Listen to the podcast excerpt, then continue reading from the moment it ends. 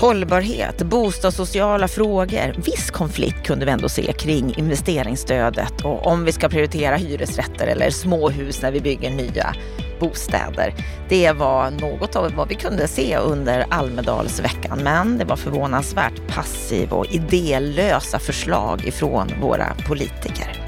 Varmt välkommen till veckans Aktuellt från oss på Bopolpodden där vi sammanfattar det senaste som har hänt under veckan och då sammanfattar vi Almedalsveckan. En vecka som har innehållit många olika seminarier och samtal men som överskuggades av den tragiska händelsen på onsdag eftermiddag då en kvinna blev huggen till döds. En händelse som inte får förstöra det demokratiska öppna samtalet.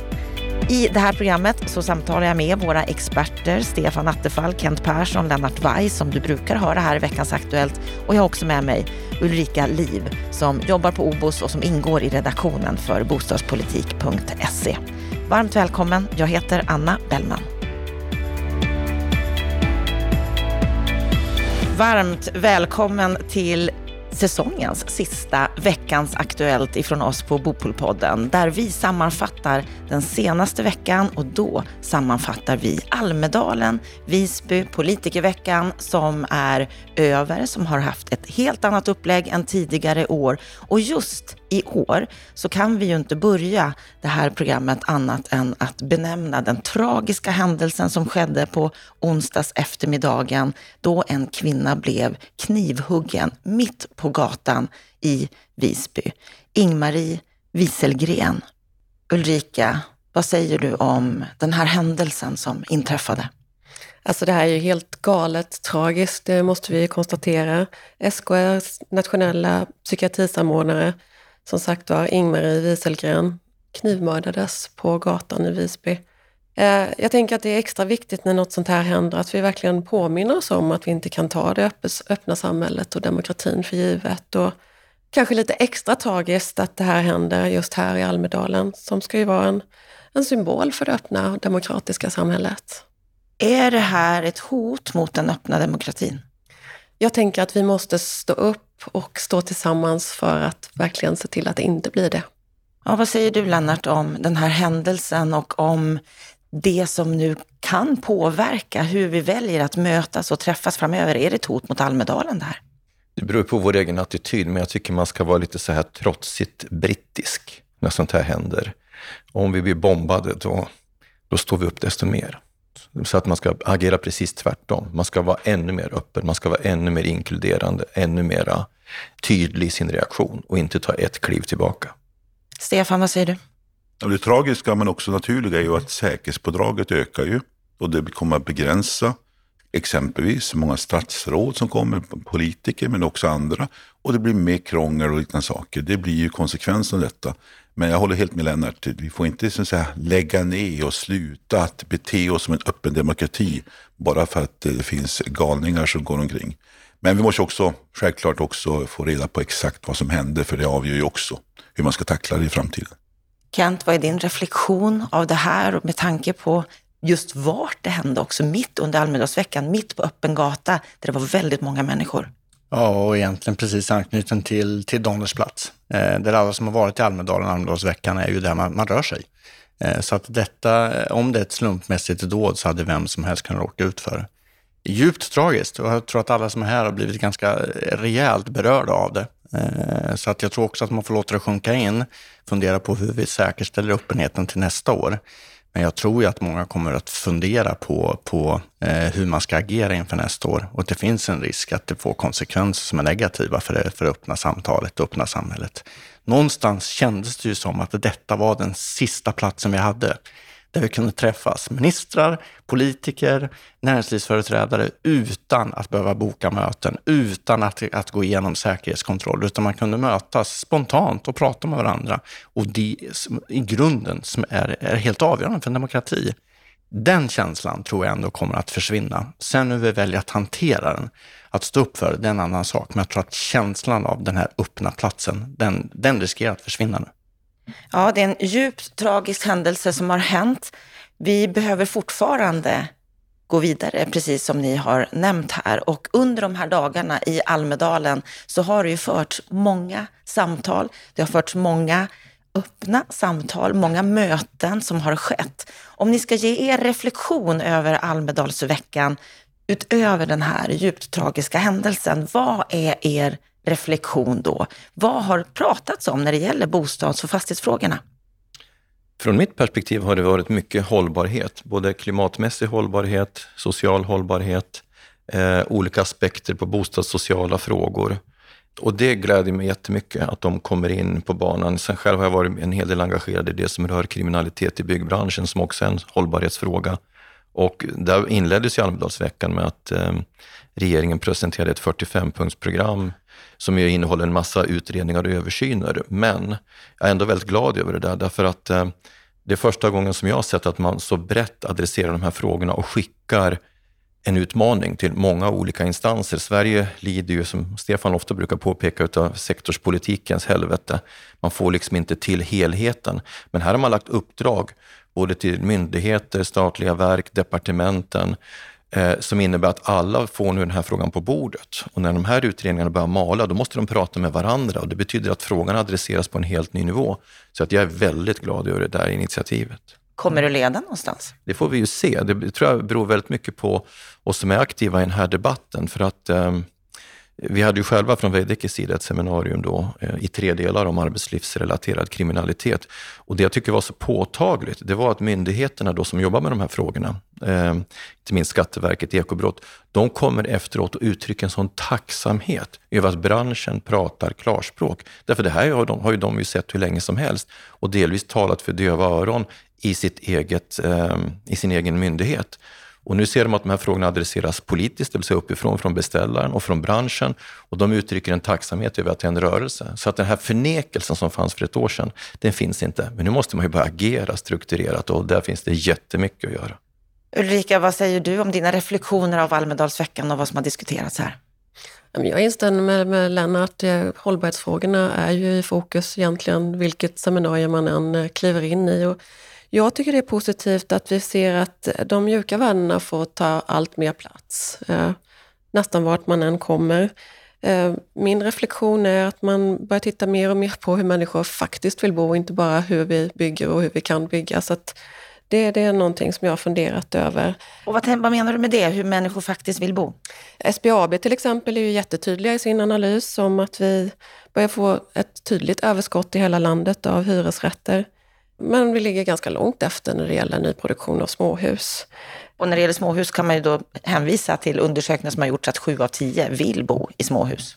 Absolut, den är ju, den är ju väldigt tydlig. Att det, det, det är en tydlig trend att eh, det är så svenskarna vill bo. Den måste vi ta med oss verkligen i hur vi, hur vi utvecklar bostäder och har den dialogen med kommunerna. Kent, eh, vad säger du om Almedalsveckan och det som har diskuterats här? Den övergripande spaningen är ju att veckan har gått bättre än vad jag tror att många trodde att den skulle göra. Eh, det har lockat till sig relativt mycket folk. Inte så mycket som under toppåren, men det är tillräckligt mycket och det är faktiskt lite lättare för de här spontana samtalen. Det andra tycker jag är att partiledartalen har funkat, både klockan 11 och 19. Det har varit mer folk klockan 19, men generellt har det varit, varit bra uppslutning till, kring partiledartalen. Och någonstans tycker jag att det här är hjärtat i Almedalen. Alltså en unik möjlighet att få komma och lyssna på partiledare. Allt ifrån statsministern till liksom oppositionsledaren. Partiledarna här och håller talen. Vi har sett bitvis under åren att partiledare har avstått att åka hit. Det tycker jag har ju undergrävt Almedalens liksom, auktoritet och möjlighet att vara demokratiplatsen. Nu var alla här och bra uppslutning på plats. Jag gillar det. Så att det, det tycker jag, det, det är positivt. Tittar vi på fastighetsbranschen så är den ju, eh, det är mycket folk här. Många seminarier. Eh, och det är också roligt. Jag håller med om att, att de mjuka frågorna, sociala frågorna har fått tagit stor plats och det glädjer mig. Det jag också tycker är bra, det är att branschen eh, har insett vilka problem vi står inför. Pratar vi bostadslöshet, eh, behovet av en social bostadspolitik, så beskriver branschen väl de problemen vi har i Sverige. Man börjar också, tycker jag, söka sig efter lösningar. Vad kan branschen bidra med? Men också efterlysningar kring vad, vad behöver politiken göra för att skapa möjligheter att lösa de här frågorna? Och där tycker jag att det finns en, en spaning som är lite tråkig. där, där branschen är sökande på, vill hitta lösningar, så har politiken varit oerhört passiv. Alltså man har nästan inte ens deltagit i diskussionen. Oerhört passiv i de här frågorna som jag tror för Sverige de kommande 5-10 åren är helt avgörande att vi löser. Alltså de bostadssociala frågorna måste lösas. Annars kommer det utanförskap vi ser i Sverige idag bli både större och brutalare. Så att eh, den här, den här politiska utmaningen, den måste partierna se och ta sig an. Och det tyckte jag, det var det tråkiga den här veckan. Det fanns inga tendenser till det. Och då är vi ändå i ett valår. Vi ska gå till val i september. Det är inte lång tid kvar. Stefan, du och jag, vi hade ju en stor bostadspolitisk debatt på tisdags eftermiddag på en och en halv timme där vi täckte flera olika områden. Dels hur vi ska öka byggandet, hur vi ska få bra boende för de som är seniora, den grupp som växer väldigt, väldigt mycket, bland annat. Vad säger du om det som kom ut ur den debatten? Eh, det var eh, lite konflikt. Vi har den klassiska konflikten om investeringsstödet där ju vänsterpartisterna vill ha jättemycket och Socialdemokraterna vill återföra som varit och de borgerliga är emot. Det är en sån här klassisk konflikt. Men mer än så vart det ju inte riktigt. Och så kan man ana en konfliktlinje till i och för sig. Och det är synen på det här med vad ska vi prioritera? Hyresrätten kontra småhusbyggande och eget ägt boende. Där finns en höger-vänster-konflikt.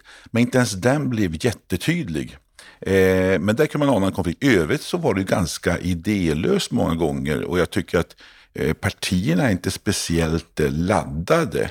Och jag tycker också det har varit eh, igenkännande för många så här politiska dueller. Alltså ganska lite politisk strid, politisk eh, kraft i diskussionerna. Eh, jag håller med Kent om att partiledartalen är ju liksom nerven i Almedalsveckan, tycker jag är bra. Men jag tycker också att de talen har haft ja, det klassiska konflikter. Man håller på och beskriver liksom, det går åt tjottan med Sverige eller så går det hyfsat bra. Och så det, men det blir ingen riktigt med. Det blir, och jag saknar den nerven och det är ändå valår. Det borde vara lite mera av kamp och strid och, och att det stod på spel lite mer. Men också att partierna hittade lite bättre konfliktlinjer. Men bostadsfrågorna märker man också att det finns en grund. Det positiva är ju att det finns en grund för att hitta samförstånd i ett antal frågor. Om man skalar bort lite höger-vänster-frågor så borde man kunna lösa många frågor också. Så jag hoppas på lite verkstad efter valet. Men eh, eh jag kanske inte är så djupt imponerad alltid. Jag tycker man kan lägga till en sak eh, angående er debatt och det är ju att två personer klev ju fram här som nya röster i debatten som jag tycker var intressanta. Dels Viktor Wernick från Moderaterna som jag har sett eh, i ytterligare ett par debatter varit väldigt bra och nu ska vi se, Mikael Eskil Andersson. Ja, från Sverigedemokraterna var en ny röst och jag har ju aldrig varit särskilt imponerad av Sverigedemokraternas eh, prestation i bostadsdebatten. Det har ju nästan alltid styrt mot att det är invandringen som är problemet. Men den här mannen, han hade ju ett helhetsperspektiv på de här frågorna och kunde, och kunde diskutera kreditrestriktioner och alla möjliga frågor på ett begåvat sätt. Så det tycker jag var positivt. Det betyder att nu är Sverigedemokraterna med på den, eh, på den bostadspolitiska kartan. Det tycker jag man ändå ska notera de inordnas, och de inordnas ju också i någon slags borgerligt läger, ganska tydligt i bostadsfrågor. Frånsett då kanske möjligtvis nyproduktionshyror. Men det också var intressanta var ju också att Wernvik från Moderaterna tydligt sa att han vill se över kreditrestriktionerna. Moderaterna har ju varit ganska otydliga där tidigare, så att det, det rör på sig ändå åt rätt håll i vissa frågor. Ja, jag, jag, noterade det själv, för jag var i en diskussion med honom på Skandia, där vi fann varandra. Och eh, där märkte man också att eh, startlånen, Eh, mm, den är lite jobbig för politikerna. Där finns en splittring både på vänster och högersidan. Men det som, jag tror att den, den diskussionen kommer just att ta in frågan om kreditrestriktioner ordentligt i debatten, därför det finns ju två alternativ. Antingen så backar man ju tillbaka med de kreditrestriktioner som vi har, så måste man kompensera. Och nu när det finns ett förslag på bordet, då får vi plötsligt en diskussion om att man borde backa tillbaka kreditrestriktionerna som alternativ. Ja, det är bara att välja. För mig spelar det faktiskt ingen roll vilket man gör, bara man gör någonting för att sänka trösklarna för unga och kapitalsvaga. Så det ska bli väldigt intressant att se hur det här faller ut i höst efter valet.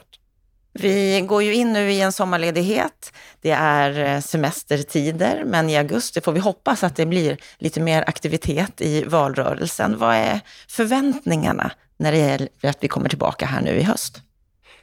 Jag tror att vi såklart kommer få en väldigt intensiv valrörelse. Den kommer bli kort, för valdagen ligger ju tidigt här i september. Så att det eh, kommer bli kort, eh, det kommer bli konfrontativt.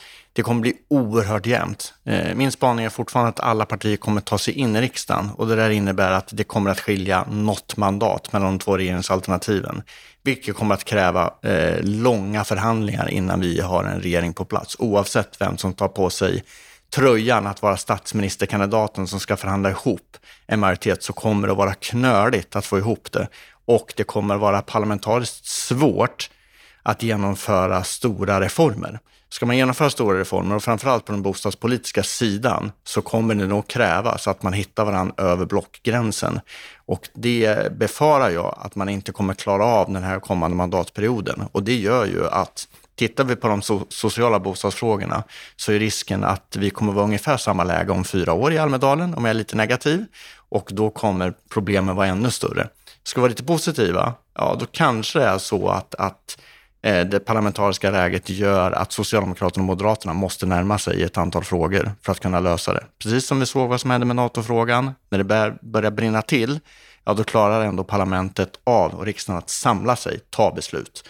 Så kanske är det så att eh, även i de här bostadsfrågorna, när läget blir tillräckligt akut, så samlas de stora partierna. Och det är väl just det som är problemet, det måste till någon slags, det ska bränna till. Va? Och man kan ju hoppas att politiken ibland kan agera innan det bränner till riktigt allvarligt. Men det jag hoppas på personligen, det är ju, jag tror inte att valrörelsen kommer präglas mycket av bostadsfrågan. Men jag hoppas att man efter valet dels löser ut frågan med startlån ganska snabbt, eh, alternativt eh, gör någonting annat med kreditrestriktionerna. Och det andra är att man också får starkare tryck på inte minst kommunerna att främja mera byggande av småhus. För det är faktiskt den eftersatta utbudsformen. Och sen hoppas jag att man lite grann kan över blockgränserna hitta ett antal verktyg för att lösa ut problemen för de mest utsatta människorna. Där handlar det mycket om att hitta tekniska och praktiska eh, åtgärder som borde, åtminstone om man lyssnar på partierna, inte vara omöjligt att hitta eh, gemensamma nämnare i. Och där finns en utredning nu från Karolina Skog som kan vara ett underlag. Sen kan det behövas kompletterande saker också. Så där hoppas jag att det ska hända i alla fall någonting eh, de närmaste åren. Eh, jag håller med både Kent och Stefan här att svensk politik har en viss förmåga att samla sig när det är kris. Och då är det ju bara att inse att vi kommer köra rakt in i en enorm bostads och byggkris i höst. Och det har ju berörts. Alltså alla fattar här att de, de här kostnadsinflationen som vi har i kombination med vad som händer på obligationsmarknaderna, stigande räntor etc.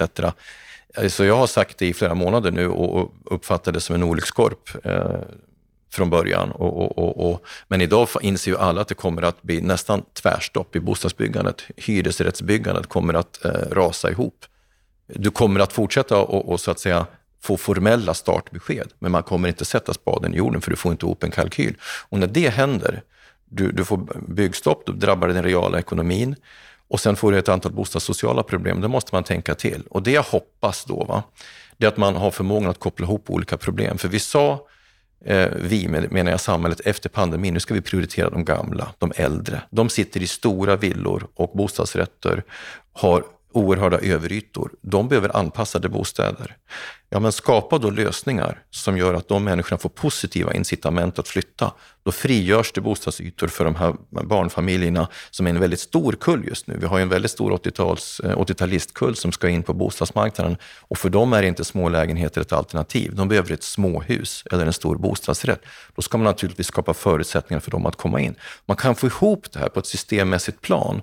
Ja, men då använder vi bostadsmarknaden på ett bättre sätt och så kan man fundera på vilken typ av åtgärder som ska till för att få eh, bostadssektorn att börja fungera igen. Men det tror jag kommer dröja ett år därför att där håller jag med Magdalena Andersson, även om jag tillhör sektorn så kan man liksom inte kompensera för de här sakerna rakt av. Det går inte, utan nu måste det bli en lågkonjunktur och så måste priserna anpassa sig, så måste inflationen ner och så kommer räntorna att åtminstone återgå till ett normalläge så att obligationsmarknaden börjar fungera. Så om ett, ett år kommer det börja snurra igen. Men man måste på kort sikt inrikta sig på bostadssociala åtgärder för att lösa olika problem. Om det händer, mm, då skulle det kunna gå bra. Och därför så hoppas jag Eh, nu ska jag göra ett litet debattinlägg här, för jag tror att Kent har rätt i att det, det kommer bli jämnt. Men det bästa som skulle kunna ske, är att Magdalena Andersson sitter kvar som ensam regeringsbildare, för då kan hon skapa förutsättningar för lösningar i olika riktningar. Så det är bara att hoppas att Magdalena går starkt i valet. Får vi andra replik på det? ja, jag är inte lika övertygad om att det är det bästa, men eh, jag tror att det blir rörigt oavsett vad som händer efter valet och att det blir svårt att få upp en regering. Vi, vi, kan väl bjuda Lennart på så en sommar, sommarhälsningen att jo, jo, fortsätt dröm om en eh, enpartiregering efter det här valet. Det kommer inte att ske, utan det kommer bli knördigt. Oavsett vem som ska bilda regering kommer det bli svårt. Ja, så är det ju definitivt. Det, det tror jag vi alla kan vara överens om, även om vi kanske alla har en förhoppning om att vi ska lösa det på allra bästa sätt. Ja, vi har en förhoppning om att allt ska lösa sig till det bästa. Det kommer inte ske vad vi kan tro just nu om vi lyssnar på våra experter här i Bopolpodden. Ja, det är en spännande tid som vi har. Det är ett spännande valår. Men nu ska vi ta några veckors semester och sen är vi tillbaka i augusti igen och då kommer vi följa alla de här frågorna precis som vanligt. Till dess så önskar vi naturligtvis en fantastisk sommar.